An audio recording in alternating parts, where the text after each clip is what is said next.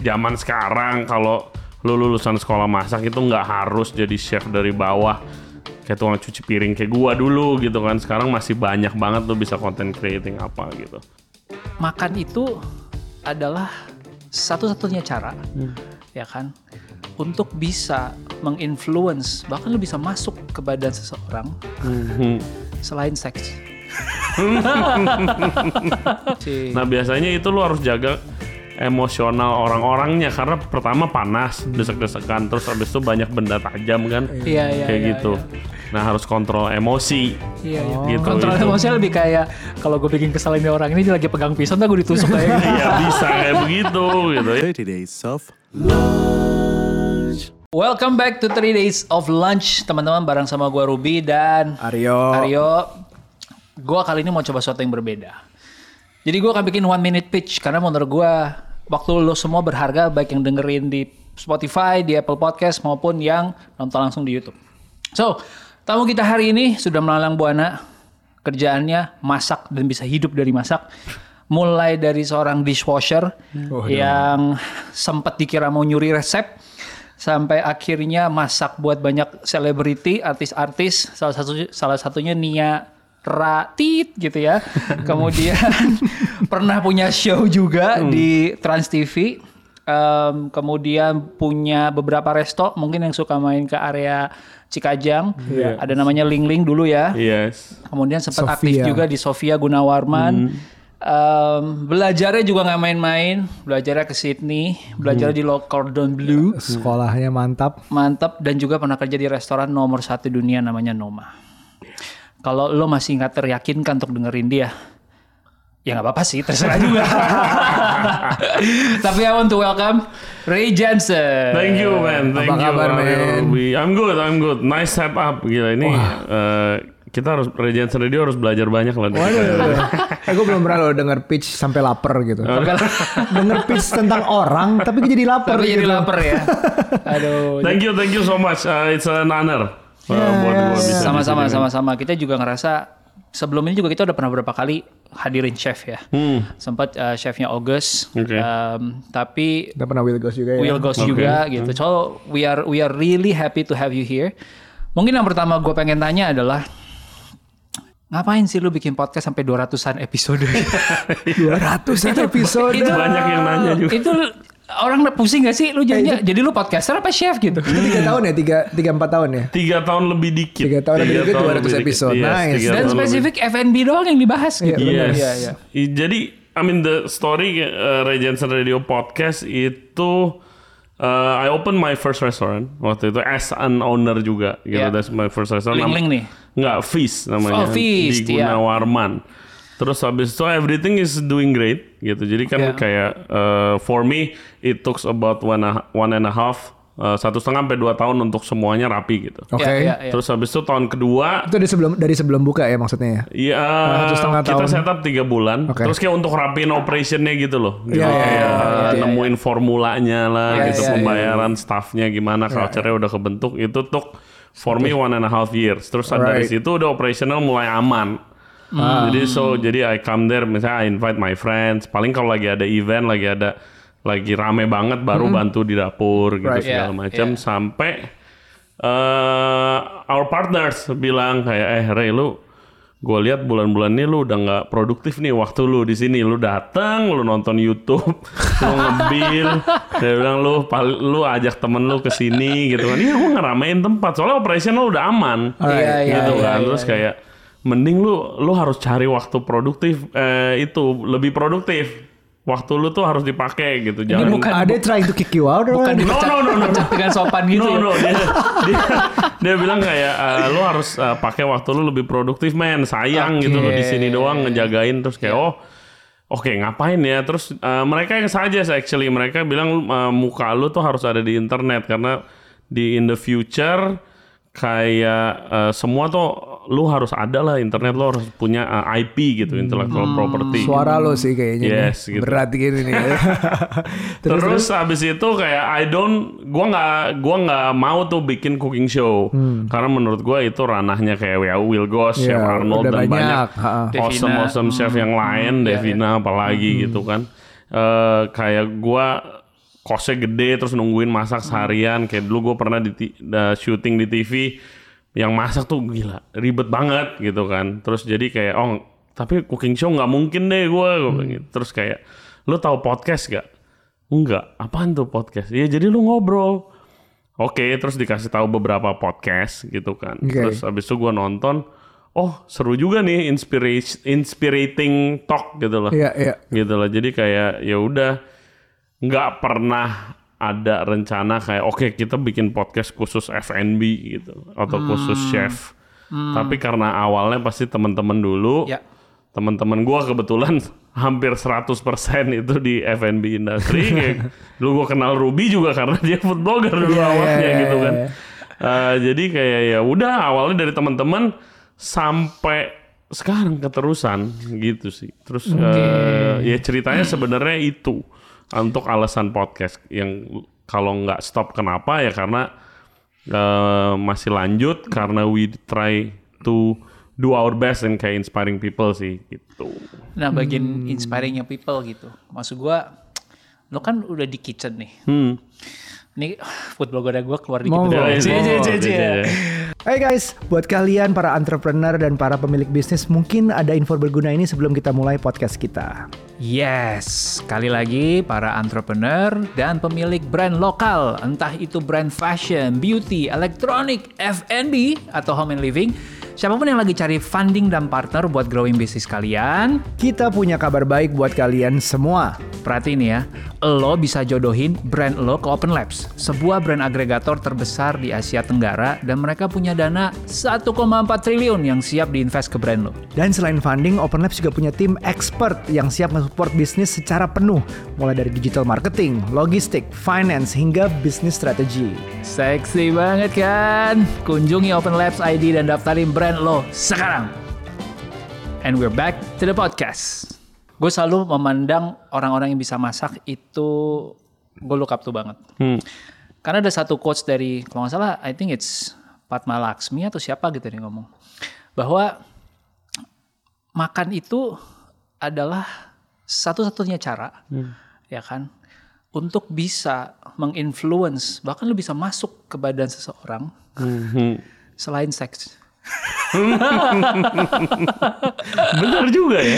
Jadi buat gue, oh gue ternyata punya influence ya kalau gue bisa masak gitu. Dan itu kan bisa bikin orang happy. Iya. Orang yang mungkin lagi capek, lemes, tiba-tiba datang ke tempat lu makan tuh bisa moodnya jadi baik lagi. Exactly. Terus dengan lu punya makanan yang heartwarming, lu bisa ngumpulin orang-orang yang mungkin tadinya ngerasa jauh, keluarga kau gue yang tadi nggak sempat untuk having fun, mereka jadi punya sesuatu yang mereka bisa ingat gitu Iya, ya kan. iya. Makanya beberapa resep pun jadinya turun temurun tuh. Resep dari oma, kenapa om mengingatkan gue sama oma gue gitu. Exactly. For me it's that powerful. Yes, it's Dan really menurut- powerful. Dan menurut gue udah cukup inspiring. Why podcast itu emang bisa lebih inspiring lagi gitu? Enggak, jadi gue gue uh, I really agree. Gue uh, food itu sangat sangat powerful. Iya, iya, gitu iya, kan enggak dan kayak impactnya food dalam seorang tuh bisa permanen gitu loh. Kalau Iya. lu dari kecil udah makannya makanan Indonesia, nasi telur sambal gitu, sampai lu tua, gue di Denmark gue tinggal sama namanya Om Toyo, shout out gue tinggal di rumah dia homestay, sampai sekarang ya dia makan nasi telur sambal Kecap. kecap, angkat kaki begini di rumah. Dia udah tinggal 40 tahun di Denmark. Dan di Denmark winter gitu ya, makanya gitu ya. Yes, sama nyetok rendang kayak gitu masih Waduh. masih kayak gitu. Dan itu dia udah 40 tahun loh. Jadi kayak impactnya bisa permanen gitu. It's really powerful. Terus eh, kalau the podcast start out as kayak hanging out Ya. gitu sih hanging out kayak ngobrol sama teman-teman yang gue dekat yang gue comfortable untuk ngobrol Eh, dengan hopefully cerita kita itu bisa kena ke some someone ya yang Iya, listening yang mungkin go through the same stuff as us. Jadi kayak episode-episode awal tuh kita ngomong oke eh, chef apa sih yang dibilang passionate chef? gitu kan. Banyak orang oke kerja apa pun harus passion bukan di industri makanan doang sebenarnya sih gitu kan. Terus eh dari itu terus habis itu kita ngobrol oke kita undang orang marketing gitu untuk belajar restoran marketing kayak gimana gitu Iya, dan iya. ternyata along the way kayak banyak orang-orang yang kena terus nge-DM gitu. Thank you banget udah bikin podcast ini. Jadi kita lanjut gitu sih. Hmm. Awal-awal sih jujur kayak enam bulan pertama sih nggak ada yang nonton sama sekali.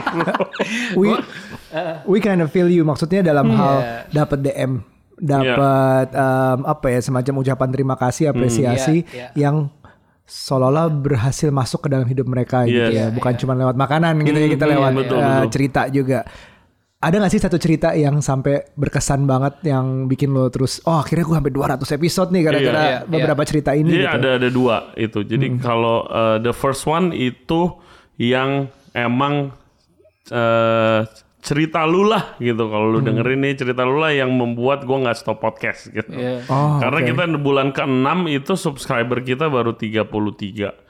Dan Wow. kayak kalau lu lihat semuanya kenal gitu kan kayak Iya, iya, iya. wah ini bener-bener nggak ada yang Oh, nonton iya, nih iya. gitu kan. So, kakak lo, adik lo yang subscribe gitu. Iya teman-teman gua yang udah gua todong Iya, buat subscribe gitu kan. Eh, subscribe dong gitu kan. Follow Instagram gua Iya, dong. ya, we've been there, we've been there Iya. semuanya. Lu udah nonton belum? Yang ini udah nonton gitu kan. Iya, Setiap episode gue WA-in nonton gitu. Terus eh, apa eh, 33 subscriber. Terus waktu awal-awal tuh pernah kan gue diajarin sama bini gue buat ngedit karena Hmm. terus buat nge-shooting karena karena I don't know how to do it Oh, kan. ngerjain sendiri juga dia. Iya, awal. awal awal sendiri semua, iya. gitu kan. Oke. Terus habis itu eh kini kayak nggak ada yang nonton deh. Terus kayak udah sampai akhir tahun deh tungguin gitu kan.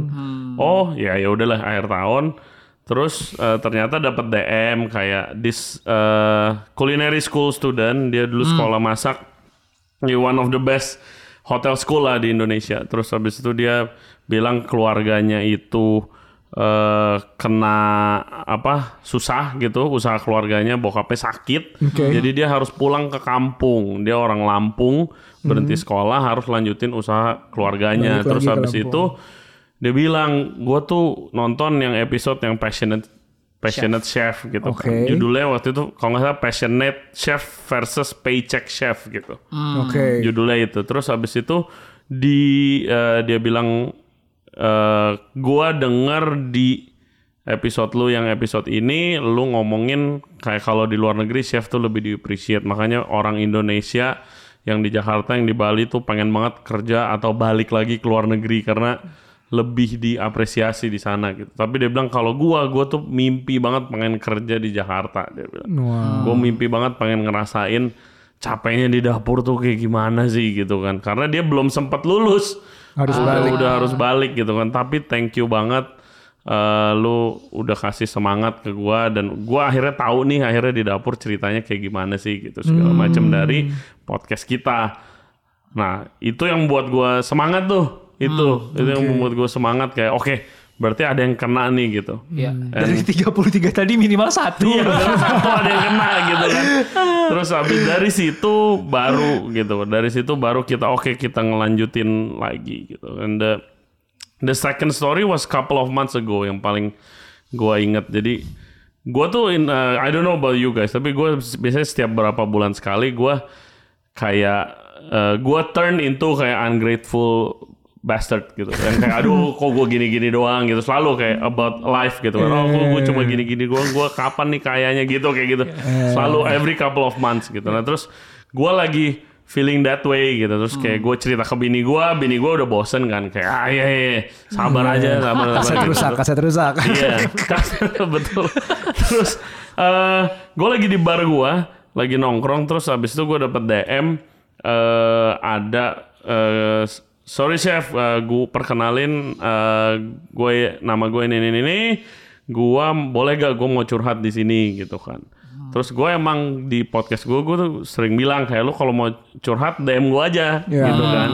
Terus eh, abis itu dia ceritalah di mana dia itu dari keluarga yang kurang mampu. Iya. Dia pengen banget jadi chef dari kecil. Dia sampai sekolah eh, dapat beasiswa sekolah ke one of the best school in the world. Itu namanya Institut Paul Bocuse di Di Lyon. Di Lyon. Oke. Paul Bocuse tuh super legendary chef lah. Iya, Oke, iya, iya. oke, oke. Terus habis itu dia happy banget, dia kerja, eh dia sekolah di situ sambil kerja. Terus habis itu pas lulus kerjalah di perusahaan di restoran yang sangat luar biasa terkenalnya gitu kan. Jadi busy, lagi sibuk jatuh lumpuh. Jatuh lumpuh kena tulang belakangnya, dia cerita, dia bilang dia operasi dua kali gagal, Terus habis itu dia balik ke Surabaya. Terus eh, operasi sekali lagi.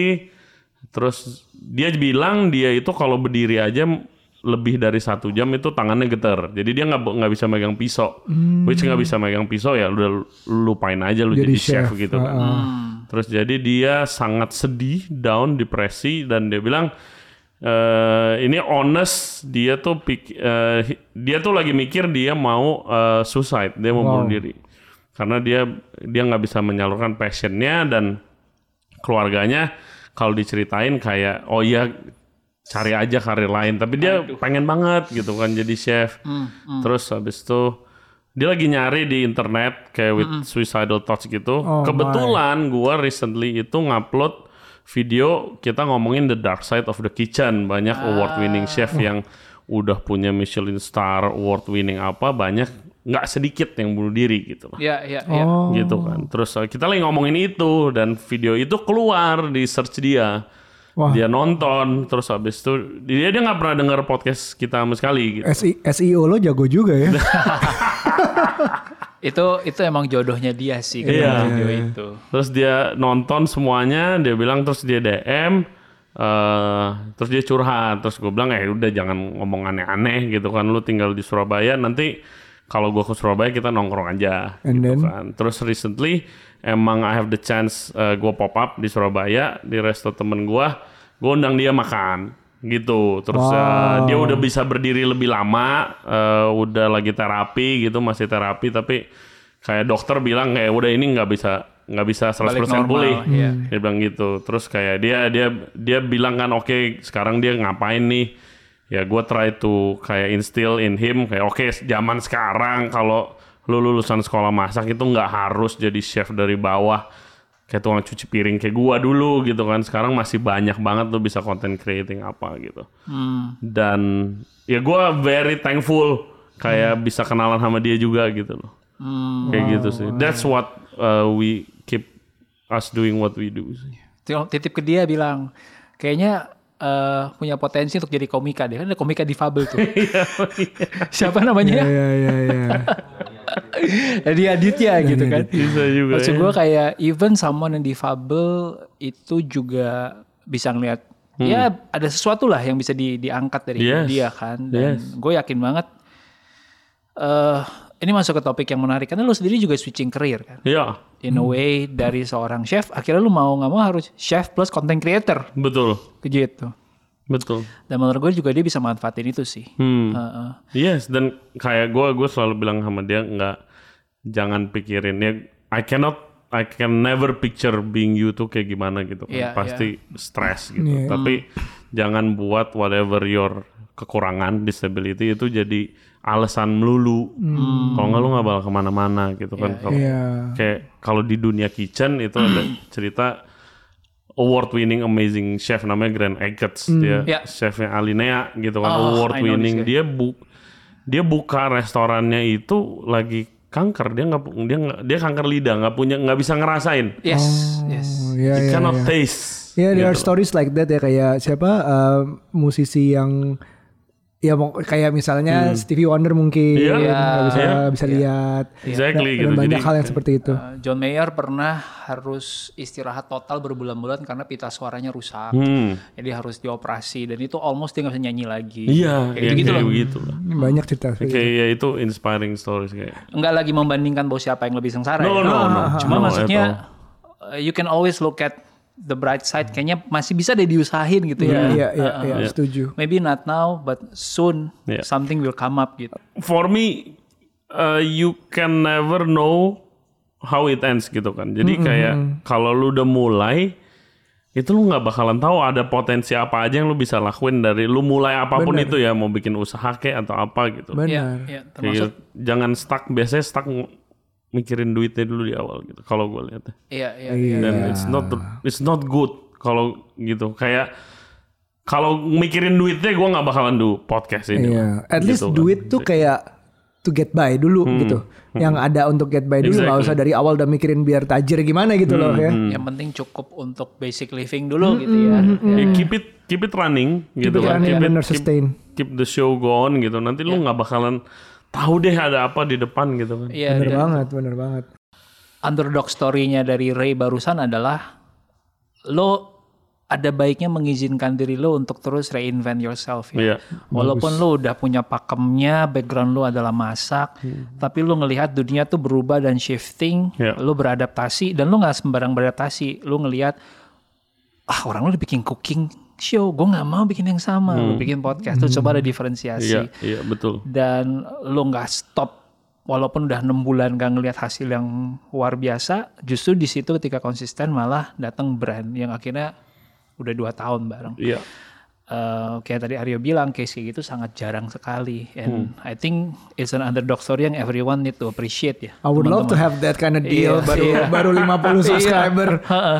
Em, tapi artinya apa kan maksud gua orang bisa ngeliat sesuatu ketika lo konsisten kan Iya. gitu nggak cuman Exactly. segala sesuatu dihitung dari jumlah subscriber sebenarnya gitu Ya gue suka gue sukanya eh, mungkin um, advantage-nya Ray di sini dia tuh boleh dibilang in the industry for so long. Ya. Jadi tahu apa yang diomongin, apa yang ditanya Yes. gitu. Iya. Orang nggak Iya. bisa asal masuk kayak Iya. oh, gue bikin podcast Seven dia karena gue suka makan. Titik Iya, gitu iya. kayak well, you experience from every area gitu Iya, dari dapur, dari Iya. depannya, dari Iya. sekolahnya rasanya gimana, tinggal bahkan di beberapa negara di luar itu kayak oh uh, you've experienced things so you know what to ask, you know what itu Iya. what to say gitu. Dan Iya. itu itu yang bikin dalam sih menurut gue. Um, selalu belajar sama Ruby juga gue bahwa kalau ya how to make the good questions adalah you research deeply. Kalau ini 90% of your research already done like years back gitu tentang tentang ilmu-ilmu di dunianya and, and itu yang Bener. mungkin nggak gampang di copy orang sih Se- Bener. se- sebanyak orang itu nggak akan nggak akan bisa cuma langsung chat bikin podcast 50 subscribers langsung deal Iya, iya, iya, iya sih. iya, iya. Thankfully, ya thankfully itu gue udah lewatin. Ya that's my life aja gitu. Gue nggak pernah plan atau apa gitu. Kayak emang dulu kan gue kerjanya ngiter-ngiter. Gue cari duit di Indo, gue ngiter, gue keliling. Itu Iya, kerja nggak dibayar itu di Eropa. Oh, iya. Kadang kayak please let me work here for three months. Oh, Gue mau learn. Oke. oh gitu Ya udah, terus habis itu duit habis balik. Cari duit lagi di sini, cabut lagi. Dulu kerjanya begitu sih. Gitu. Wow. Kita udah ngebahas bagian podcastnya lu, tapi menurut gua sisi chefnya lu juga perlu diulik. Nah, gue coba kawinkan ya. Ya. Udah 200-an episode. Menurut lo, menurut lo, apa sih yang orang biasa tuh bisa belajar dari seorang chef gitu? Maksudnya di luar dari cooking ya? Iya. Di luar dari cooking. Apa sebenarnya value nilai-nilai yang menurut lo kalau lu jadi chef tuh lu bisa bawa pulang skill ini nih selain masak yang orang nggak ngelihat? Oh, a lot. Cuy. Malahan ada beberapa buku. Gue lupa. Gue lupa yang nulis siapa. Tapi bukunya judulnya Misang Plus. Misang Plus itu artinya kalau di dunia kitchen itu prep. Ya. Terus dia menjelaskan kalau banyak prinsipal di dunia kitchen itu yang kalau lu aplikasiin di work life di luar kitchen itu Ya. juga bagus gitu Hmm, lah. contoh, contoh. Jadi kalau eh, yang salah satu paling penting itu of course di kitchen itu misang plus. Misang plus itu prep, preparation, everything. Yang kerjanya ngupas kentang. Iya, kerjanya ngupas kerjanya kerjaan bosenin, monoton, repetition terus-terusan, ngupas kentang, ngupas wortel, bikin kuah. Gitu loh. Masak daging tapi setengah matang doang nggak dimatengin gitu. Nah, itu pokoknya preparation itu is key. Dan itu preparation kalau di restoran itu udah including harus konsisten gitu kan and repetition. Hmm. Nah itu balik lagi ke omongan kita tadi gitu. Di kitchen kalau lu nggak konsisten, makan lu nggak konsisten, udah kelar. Nggak pasti berapa kali sih ke restoran? Ya sekarang udah nggak enak. Dulu Ah, enak. Terus udah nggak balik lagi. Kayaknya chefnya ganti deh. Iya. Cie. Rasanya udah beda. Iya. Cie. Rasanya saya ganti. Oh dulu kalau apa bokapnya yang masak enak, sekarang anaknya nggak Iya, enak. iya, gitu. iya, bener, bener, bener. Iya, iya, itu iya. susah tuh Iya. bikin konsisten Terus jadi consistency is key and I think it's uh, applicable gitu kan. Tapi kalau konsistensi itu juga banyak di belakangnya sebelum bisa konsisten lo harus prepare yourself right gitu kan lo kalau di kitchen itu lo harus cook with the best ingredients ya lo prepare yourself with the best juga gitu sih menurut gua contoh kalau lo kalau di podcast gua ya contoh gua harus gua nggak boleh aneh-aneh dah gua harus tidur nyenyak, gue apa Oh. olahraga dulu gitu segala macam biar podcast gue nggak hancur gue lagi Iya, iya, hangover iya, iya. podcastnya gitu kan, kayak gitu. Terus kayak eh, ada orang bilang kan juga sukses is preparation meet luck gitu kan. Iya. Jadi kalau di dunia restoran itu 90% masak itu is about preparation. Jadi buat diaplikasikan ke yang lain itu preparation is the key gitu loh. Ntar kalau opportunity datang lu nya nggak prepare lu udah- lu nggak siap juga lu nggak bisa ambil. Dan gitu. itu salah satu hasilnya tadi konsistensi ya. Iya, Yes. Untuk dapat konsistensi yang sama, preparation is key Betul. juga ya. Iya, iya, iya. itu sih. gitu. Terus kalau di kitchen juga one of the most important lesson itu ya respect sih. I see. ya, oke, Respect tuh gimana gimana tuh? Respect itu kalau di kitchen lu mau lewat ke bela- belakang orang yang lagi lu mau lewat belakang orang aja lu harus ngomong di kitchen. Itu ngomong behind atau back atau apa fungsinya sih supaya nggak lagi megang panas atau megang yang tajam terus ketusuk. Tapi Iya, it's really teach- kalau di kitchen itu lu harus saling jaga emosi teman kerja lu nih. Oh. Karena lu kan bareng di kitchen. Oh bukan yang kayak judge chef marah-marah gitu gimana? itu ada juga waktunya sih buat. Tapi biasanya kayak most of the time, misalnya kita di kitchen nih bertiga, Iya. Eh, gua chefnya, lu megang daging, lu megang sayur, tapi Iya. satu makanan kita stick ada daging ada sayurnya, Ya. Hmm. gitu kan? Lu harus ngomong ke Aryo, stick gua udah dua menit nih ya. Hmm. Lu sayur lu masukin waktu menit ketiga nih karena sayurnya cuma ma- cuma Iya, perlu iya. dua menit. Iya. Kalau lu masak bareng-bareng di awal, Hasilnya beda. kematangan keburu sayur, layu. kematangan sayur Iya. ya kan. Nah, itu kan lo harus work together constantly. Nah, biasanya itu lo harus jaga emosional orang-orangnya karena pertama panas, Hmm. desek-desekan, terus habis itu banyak benda tajam kan. Iya, iya, Kayak iya, gitu. Nah, harus kontrol emosi. Iya, iya. Gitu, Kontrol itu. emosinya lebih kayak kalau gue bikin kesel ini orang ini dia lagi pegang pisau, ntar gue ditusuk kayak gitu. ya bisa kayak begitu gitu. Ya mungkin ini kalau teman-teman chef gua nonton ini, kayak ah, gila re bullshit lu di kitchen ngamuk-ngamuk mulu gitu. Tapi that's the key gitu. Ya, that's the ya, key. Ya itu yang lu belajar buat nenangin diri and respect other people's feelings gitu kan. And taking criticism juga di kitchen itu kan pasti kayak wah komplain ini ini ini you have to take it not personally. Personally. Oke. Lu udah lebih dari 10 tahun berarti ya? Udah kalau di industri mungkin hampir 15 years. Hampir 15 years ya. Nice. Lu udah pernah nyobain berbagai macam role, Iya. mulai dari dishwasher sampai jadi uh, chef slash owner juga, Hmm. Um, dan restorannya juga ada macam-macam. Iya. Indonesian pernah, Iya. Chinese Sekarang pernah, Japanese dan- ya. yang lu pernah juga masak di French, Iya. gitu kan. Eh, tapi kenapa sih lo atau mungkin pertanyaan lebih enaknya gini, lu ngelihat ke mana F&B-nya Indonesia? Gitu. Oke. Eh F&B pertama is really encouraging kalau misalnya lihat program seperti Spice Up the World. Kalau lu tahu Gimana tuh? Spice Up the World itu program pemerintah di mana punya target sampai tahun 2024 kalau nggak salah. Itu target di seluruh dunia harus ada 4000-an restoran Indo. Dan sekarang ada di, Dan sekarang itu baru 2000-an. oke, Jadi karena eh, di ba- awalnya tuh baru seribuan, awal tahun lalu tuh baru seribuan, terus pemerintah ngadain program itu Spice Up the World, Oh, gitu ini- ini Indonesia Spice Up the World. Sama kayak Thailand ya kalau nggak salah yang Ya. subsidiin. Jadi itu sebenarnya program kita yang diambil Thailand years ago, Oh gitu. eh, karena pemerintah kita belum mau jalanin, Oh. gitu. Dan sekarang lihat restoran Thailand di luar negeri kayak Karena apa? disubsidi Iya, ya iya. sebagian dari subsidi. itunya. The goal is kan kayak ekspor impor kan bahan gitu kan. Iya, betul iya, betul. iya.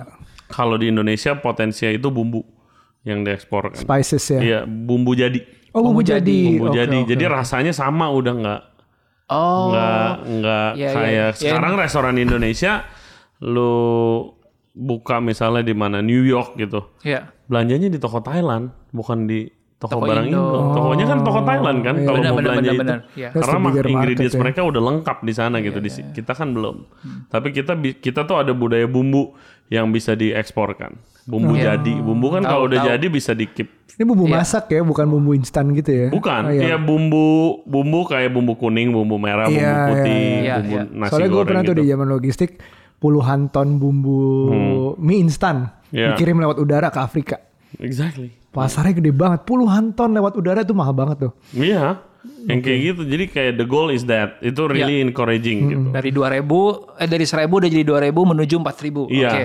eh, 4000. Actually yang the most awesome thing itu anybody can make a deck about the restaurant their goal restaurant gitu harus makanan Indo pastinya. Itu bisa ke pemerintah untuk dapat subsidi langsung. Oh, tapi bukannya nggak di Indo kan? Tapi bukannya nggak boleh di Indo, harus di luar Iya, negeri. Iya betul. Oke. Itu itu sangat program yang sangat menarik menurut gua. Apakah ini kenapa kemarin ada warkop di New York City? Bukan, ternyata itu kebetulan. Oh itu kebetulan. Gue udah nanya itu kemarin gue podcast sama dia sama Iya, iya. Omar. Lo ikut ini ya? Enggak, kebetulan kalau dia. Hmm. Gue punya ada temen yang uh, merencanakan pensiun di Kanada. Pertama karena dia punya saudara di situ. I see. Tapi salah satunya syaratnya harus investment kan. Iya. Iya. Bagian dari merit pointsnya lah. Terus dia pengen itu buka restoran Padang di Kanada. Cocok sih. Iya, iya, Karena cocok ya. dingin terus jadi hangat iya, kan makan spices. ah. Cuman bener gak sih kalau menurut gue challenge-nya eh, eh, apa ya? Gimana bikin Indo- masakan Indonesia visually lebih menarik, Menarik. di luar gitu. Ya kayak rendang seonggok hitam gitu. Ah, ah, Iya. gimana caranya kalau di luar kan lihatnya tuh rapi banget, padahal Iya, Indonesia iya, tuh iya. rasanya enak banget. Menurut gua nggak jangan terlalu mikirin visual Oh, gitu ya? sih menurut gua. Nggak usah ya. Bukannya orang Langsung aja sodorin, makan nih. bukannya orang barat tuh kayak mikir-mikir yang aneh-aneh gitu loh Jadi kayak rasa dulu lah benerin. Rasa dulu, rasa tetap ya? dulu benerin. Oh. Susahnya itu, susahnya itu bahan-bahan kita nggak available di luar sana. Oh, susahnya justru itu challenge. Itu Iya. susahnya Baik, gitu baik. sih. Terus juga eh, kalau di sana kalau lu mau beli jahe lengkuas, daun jeruk, Hmm. itu mahal. Lo tau di Paris harga daun pisang Ya. satu roll gitu itu 4 euro. Wow, Di, sini udah di sini jatuh di pasar juga nggak dipungut, Bro gitu. tapi di luar um, under dealnya binatang lebih itu ya lebih murah iya, ya. Jadi it seems like ampela misalnya gitu. barang import di sini gitu kan mahalnya setengah mati di sana murah. Iya. Kayak wine di sini mahal di sana murah. Iya, kalau di sana barang kita yang mahal gitu. Jadi kayak this program is awesome nih kalau misalnya karena misalnya lu bisa ekspor bumbu rendang, gue nggak tahu ya programnya begitu Iya, apa iya. bukan. Tapi misalnya lu bisa ekspor bumbu rendang ke Kanada misalnya. Iya. Iya. Your friend tinggal nambahin finishing touches-nya lagi Iya. aja Iya. biar nggak sama gitu kan nambahin apa nambahin apa jadi deh rendang ala restoran Iya, itu tersebut ya. Kayak Iya, gitu iya, iya. itu yang Bigger picture. bigger picture about kayak Indonesian foodnya very Hmm. exciting tapi kalau menurut gue di Indonya itu ada change di mana gue uh, balik di sini di Jakarta on and off gitu udah mau kayak 12 years on and off kayak keluar negeri ke sini lagi balik. Gue lihat trennya juga udah mul ada ada suatu tren. Gue nggak tahu kalau yang lain perhatiin nggak. Jadi restoran size itu makin lama makin kecil. Hmm, kalau oke. gue lihat. Dan menunya makin lama makin sedikit. Kalau lu perhatiin zaman dulu tahun 2012 13 sampai 15 mungkin restoran tuh menunya ada dua. Ada western Asian. ada Asian. Selalu dua. Itu sampai teman-teman gue yang dari luar negeri yang chef aja bingung banget. Ini kenapa sih gue ke mana-mana menunya dua? Lu nggak bisa satu aja nggak jualan restoran Italia aja atau apa gitu. Jadi itu trennya pada zaman itu. Lama kelamaan makin lama makin kecil makin kecil makin kecil. Sekarang restoran lebih ke fokus ke satu Cuisine. cuisine Iya. Kayak Bubur aja gitu. Iya, bubur, bubur aja. Mie, mie aja. Iya. Italian, Italian they do strictly Italian and they, Oke. they do it well gitu. Oke. Indo ya Indo aja nggak jarang Nggak banget yang campur-campur lagi. lagi, sekarang. Trennya ya. Yang restoran campur gitu kita bilangnya all day dining. Iya. Itu masih ada yang dari zaman dulu buka masih ada. Tapi kalau yang yang lebih ke sini itu lebih fokus foodnya. Why? Apa? Kenapa itu? The cost, trend? I think. Oh, cost. Oke. Oh. The cost. Jadi kalau gua gua baca this uh, this book uh, Jakarta Dining History dari Kevin Dra gitu. Terus Iya. di situ kan dikasih lihat history makanan kan. Zaman dulu tuh menu restoran bisa tujuh. Makanan Korea, makanan Jepang, makanan India gitu-gitu. gitu. Banyak restorannya besar-besar dan lama-lama makin lama makin kecil, makin concise. Nah, menurut gua personally mungkin karena cost. Jadi harus lebih cost efficient gitu lah. Tapi gue juga capek sih ke restoran sushi yang menunya buku gede banget, Nah. banyak banget sampai Iya. fusion fusion. Betul. Gue lebih suka yang Klasik. Iya. Gue kalau gue gue selalu gue masak juga style klasik. Gue ke restoran biasanya classical food. Dan menunya biasanya lebih pendek kan. Iya nyari pendek. Jadi fokus gitu loh. Dan kalau ya tahu misalnya restorannya rame gitu. That's my favorite restaurant to go to yang rame karena kalau rame bahannya segar. Iya. gitu kalau kalau gue Iya, iya, iya. yang gitu. Ada setip. Bener sih, kalau restorannya menunya banyak banget, berarti kan di belakang kitchennya dia, dapurnya dia, storage-nya, inventory-nya Betul. juga mesti nyimpan banyak. Betul. Dan kalau perputarannya nggak cepet, ya definitely belum tentu seseger dengan lu cuma punya menu 5. Ya orang kemungkinan besar pasti akan ada yang pesen terus setiap hari Betul, 5 menu betul. itu gitu kan. So That- yeah, that's that's the trend. Terus juga another encouraging trend itu sekarang profesi chef itu udah keren kelihatannya. Ya, that's good. Iya itu itu it's chef so and different. barista. Chef barista, barista duluan actually kalau Iya, menurut gua ya. iya, iya, iya. Terus sekarang chef udah ngikut dan sekarang mulai yang kayak posisi sommelier yang di bidang alkohol sama mixologis. Mixologis ya, ya bikin bukan koktail. bartender, mixologis. Iya. itu udah mulai dipandang sebagai profesi dan karir yang legit Iya, iya. gitu kan. Eh tinggal posisi service doang nih. Belum kalau Iya, menurut gua. iya, iya, iya. Nah, dan tapi dengan adanya dengan mereka posisi-posisi itu sudah dipandang banyak yang da, orang yang emang rencananya dulu mungkin karirnya di luar negeri aja lebih diapresiasi balik ke Indo dengan confident dan buka their own style. That's gitu. good. I see. Itu really good sih. Iya. Itu really good. Iya. You should go back to the industry. Masalahnya gue nggak masak nih, gue bukan chef. Gue pengen dengar opini lu tentang makanan-makanan yang orang bilang tuh terlalu pretentious. Mm. Karena fine dining kan udah kayak orang coba untuk upping their limit terus kan. Iya. Gimana cara gue bisa lebih beda, gue bisa lebih keren lagi. Gitu. Menurut gue yang paling aneh, tapi sebenarnya keren. Tapi gue nggak tahu ini pretentious apa enggak. Adalah ketika gue makan di Atelier Keren, San Francisco, tiga Iya. Michelin star. Iya. Gue dikasih menu, menunya itu bait puisi. By puisi. wow. Jadi lu bayangin ya, lu dikasih makanan, deskripsinya adalah bait puisi. Anggap bait puisinya kayak misalkan, say puisi ADC deh. Aku lari ke Kau lari ke hutan, kemudian teriaku. Udah selesai. Terus keluar makanannya. Terus lu kayak, ini apa hubungannya makanan ini sama bait puisi ini gitu. Hah. But, itu yang bikin dia jadi Michelin 3 star. Iya. Iya. What do you think about that concept? Menurut lu itu sesuatu yang emang lu harus sepeda itu, industrinya memaksa lo kayak gitu, atau sebenarnya eh yang nggak usah juga bisa gitu tiga Michelin star gitu. Gak usah juga bisa kalau gua. Tapi gua really respect and admire those type of restaurant. Oke. Kayak gitu karena gua udah pernah kerja juga di restoran yang standarnya sebegitu. Si Noma itu ya. Noma, ya waktu gua kerja dia number one restaurant in the world. Hmm. Itu gua ke sana tujuannya cuma satu. Bukan gua mau nyuri mau ngambil resep terus gua makan gua masak makanan Noma di sini nggak bakalan laku juga Iya, iya, gitu. iya, iya. Dan mungkin nggak ketemu ingredientsnya Iya, anyway. Makan lumut, makan apa, gue komplain lah pasti gitu kan. Gue Iya. ke sana cuma satu tujuan gue, gue pengen tahu what it takes to be number one.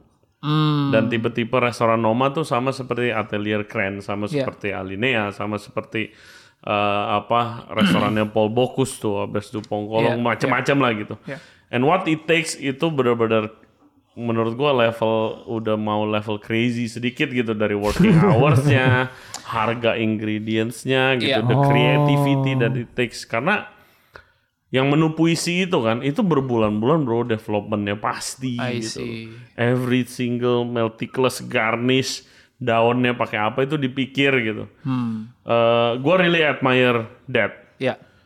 Apa yang gue pelajarin dari Noma, I don't want to do that.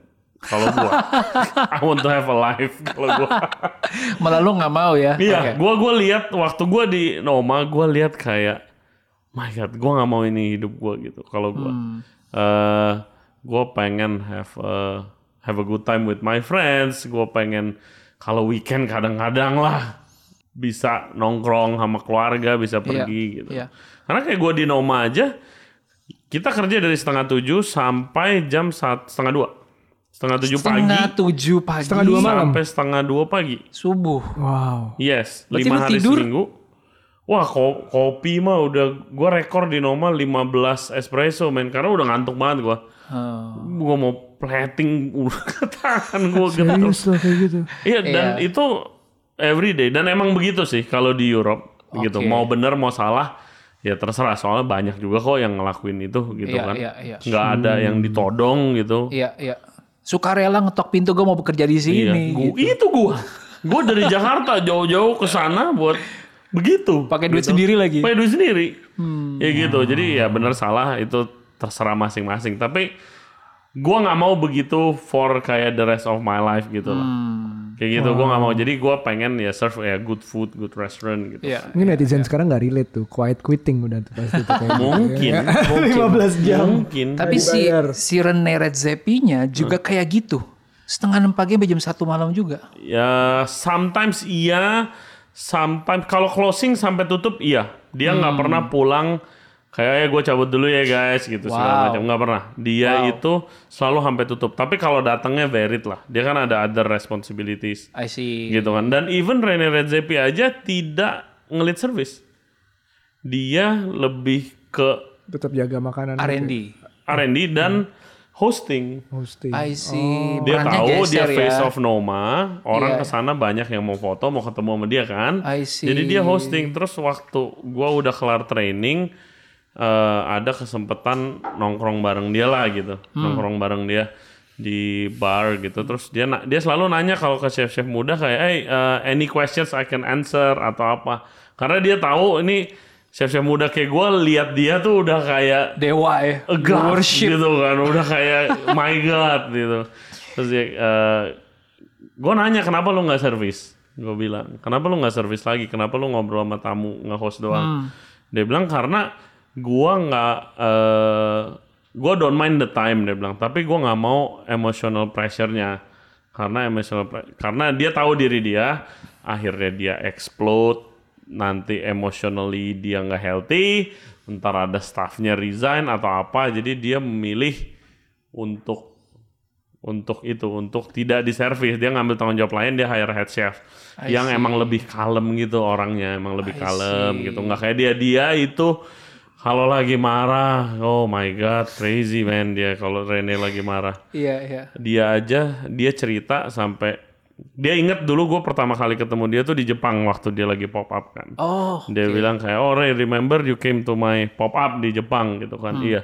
Dia itu sampai sama anak istrinya tuh pisah kamar. Emang sengaja pisah kamar karena dia kalau lagi servis itu dia seintens itu orangnya wow. dia Saya- emang iya gitu emang dia bilang waktu di Jepang aja gue pesen kamar beda buat anak istri gue sama gue karena gue orang emang emang gila sih dia kalau lagi kalau lagi servis sih Iya, iya. gue Jadi, gue nggak pernah lihat orang seintens dia That's what Crazy. it takes to be number one ya. iya, Probably. iya, iya. dan gue sadar gue no gue I want to do my part in what I can gitu dan Iya, be happy at the same time gitu. Tapi dia happy, very happy dia. Eh, happy-nya dia gitu kali ya. Iya, exactly. Wow, I think that nicely wraps up another lesson lagi dari dari Iya. dunia kitchen yang sebenarnya kebawa ke kehidupan sehari-hari juga bahwa sebenarnya satu kalau gue nangkap ya there is a price for excellence. Iya. Ya kan maksudnya Exactly. lu nggak bisa juga bilang gue mau jadi yang nomor satu, gue mau jadi yang terbaik, tapi ya pulang ke rumah 6 jam binge watching Game of Thrones sampai kelar gitu kan.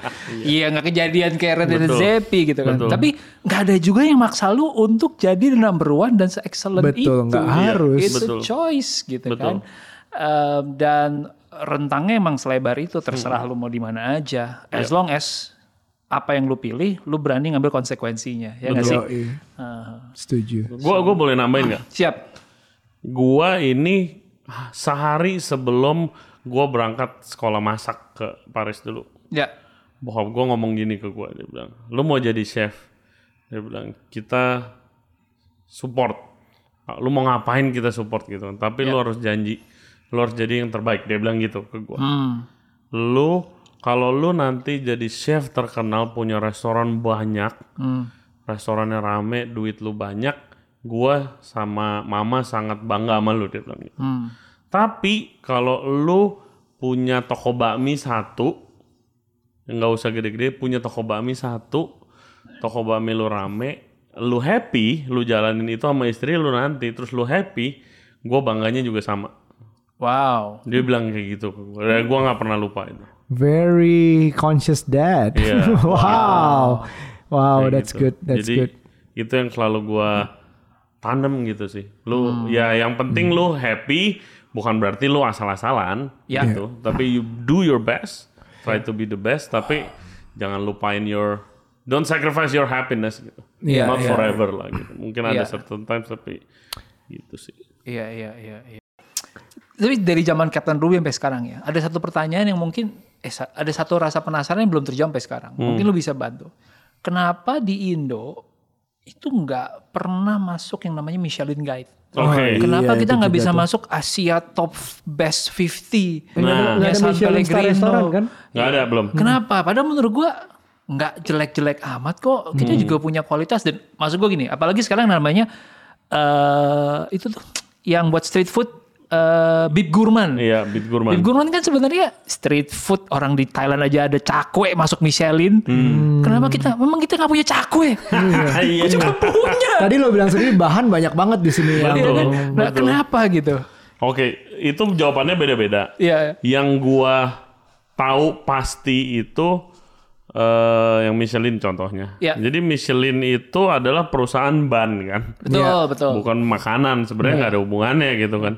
Dia dibuat guide itu karena dia mau kasih tahu bengkel-bengkel dia ada di mana aja di Prancis waktu itu. Jadi guide isinya tuh bengkel dia, tapi di bengkelnya supaya ke bengkel itu dia dia marketingin restorannya biar orang ke bengkel itu tuker ban di situ Genius. gitu makanya dibikinlah Michelin Guide ternyata sampai sekarang with one star two star three star udah jadi the guide gitu kan kalau restoran Hebat.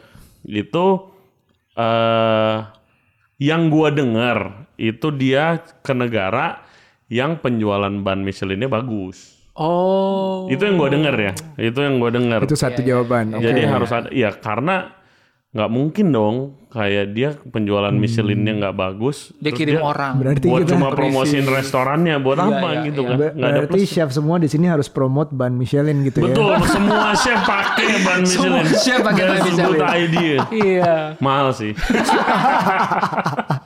Iya itu yang gua dengar Ada Oke. ada versi lain nggak jawaban Oke. lain?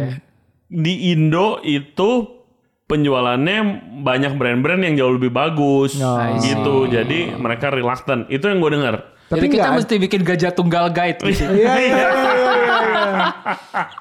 Atau ada Good idea. sistem lain selain Michelin yang Michelin nah terus kalau gitu. dibilang kayak oke saingannya Michelin eh, World 50 Best Restoran nah itulah jadi eh itu tuh tergantung sama pemerintah soalnya Oh. sama pemerintah jadi itunya karena in any awards I think kan ada politicsnya gitu kan Betul. uh, which nothing wrong Ya, gitu ya. kan. We need the award juga buat restoran. Jadi kita bandinginnya kan sama Thailand, Ya. sama Jepang, Singapura. Singapura yang emang udah pernah ngadain acaranya. Oh, gitu nge-host. nge-host. Jadi salah satu persyaratan restorannya itu salah satu ya nggak nggak di nggak di only one tapi salah satu persyaratan restoran mau masuk the list eh, itu nge-host jadi host Negaranya nge-host. Nge- itu yang kalau restoran lu mau masuk nge listnya yang top 10 top 5 nya gitu Oh gitu. kalau di Indonesia dulu Lokavor pernah masuk. Pernah masuk. pernah itu paling masuk. nomor Best Asia. 40-an gitu Iya ya. kan Best Asia 40-an Eh, tapi yang gua dengar again itu kalau mau masuk top 10 itu negaranya harus jadi host dulu I see. gitu negaranya harus jadi host dulu acara pertama pun lo harus bikin Asia dulu karena kita di Asia lo bikin Asia 50 best Oke. sama Asia 50 best bar Oke. Abis itu mungkin tahun depannya baru bikin the world, World best. world best gitu. Kita teman-teman kita ada beberapa yang lagi bikin tim memang goalnya itulah. Gitu dan gue dengar. Gue gue juga kayak kadang-kadang minta di minta bantuan gue untuk kayak masukan karena gue orang industri kan gitu. Eh, jadi hopefully they're successful. Tapi yang gue dengar itu sekarang pemerintah itu belum ngeliat that list itu ada dampaknya buat perekonomian Indonesia yang bagus banget dan signifikan. Karena masih di view restoran-restoran yang di list itu adalah restoran upscale dan fine dining Iya. gitu di mana Indonesia masih banyak jauh lebih banyak yang UMKM. UMKM Iya. seperti itu itu a valid reason Betul. a valid reason tapi menurut gua itu kalau sampai ada nih is the biggest step towards kayak Indonesia dikenal jadi culinary destination Iya. gitu iya. sih Iya. dan gua yakin kita kalau itu nasi lemak di Singapura yang nggak enak dan mahal itu gua dapat Michelin gila men sini Nasi banyak yang campur lebih rumah gua enak, tuh dapat dua kali Jadi mungkin pendengar dari Three Days of Lunch di sini ada dua tugas. Pertama, senggol podcast ini ke pemerintah. Pentingnya punya punya apa um, benar. nge-host suatu acara seperti itu. benar. Dan kedua, ya pakai Michelin berarti. Ya. Eh, kita nggak disponsor sama Banda Kita ya. nggak sponsorin, Nggak, nggak, tapi welcome. itu baru Hans doang ya tapi ya. Hmm. Maksudnya kan belum valid. Kita mesti datengin orang Michelin nih. Nah, iya Iya, benar benar mungkin. Kalau ada yang kenal tolong ya nanti kita hadirin kita mau Benar, benar. Itu klarifikasi. tugas kalian di ya. sini. anonimus Eh, very interesting industry. Ini jadi nge-trigger si Captain Ruby-nya nih. iya dong Balik dong. bangun lagi dong bangun lagi Cuman eh buat lo sekarang now you're doing dua dunia. Iya Sekarang lo di dua dunia ya. Ada dunia chefnya, ada dunia content creatornya. iya Lo akan tetap ngebalance nih dua-duanya, Hmm. atau menurut lo lo akan ke depannya lebih berat ke salah satu dan kenapa? Oke. Gua akan mencoba balance di dua-duanya. Hmm. Kenapa? Karena eh, kalau mungkin kalian abis ini nonton podcast eh, Regency Radio ada gua podcast sama Ruby. Oh, udah ya. Kapan-kapan Dayang? Bentar lagi tayang, bentar lagi tayang.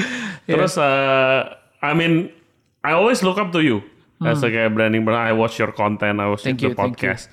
Eh, kayak gue minta saran waktu itu kan bagaimana gitu. Terus Ruby bilang itu waktu itu dia eh, oke muka lo harus ada di internet itu supaya eh, lo legitimize your position gitu lah in the industry. Tapi kasih juga orang udah lihat di internet lu nih udah dengerin podcast lu itu jadi mau ngapain mereka? Mereka mau ngalamin mau experience Ray Jensen di mana gitu kan. That's uh, one is that among other reasons. Jadi gue planning mau buka resto Nice. lagi. Jadi pertama thank you for your advice. Sama-sama, sama-sama. Terus habis itu jadi kayak gue mau buka resto lagi and trying to balance that gitu sih. Gue nggak dari awal gue bikin podcast, gue juga tahu this podcast bukan ya amin kalau sampai kejadian, tapi bukan kayak podcast podcast besar yang kayak penontonnya miliaran gitu loh. Iya, iya, iya. Gitu Belum loh. ada podcast yang berantem miliaran sih. Belum ada ya? Ratusan juta lah, ratusan Oh, juta. lah. ratusan juta, oke. Lebay gue, ratusan juta gitu. Tapi uh, this uh, ini adalah uh, usaha gua untuk kayak ngebantu F&B Indo sedikit banyak gitu. Iya, Uh, iya, tapi ya restorannya sih pengen banget sih. Pengen banget ya. Pengen banget. Kalau sekarang kan lagi mainnya nih di industri bar.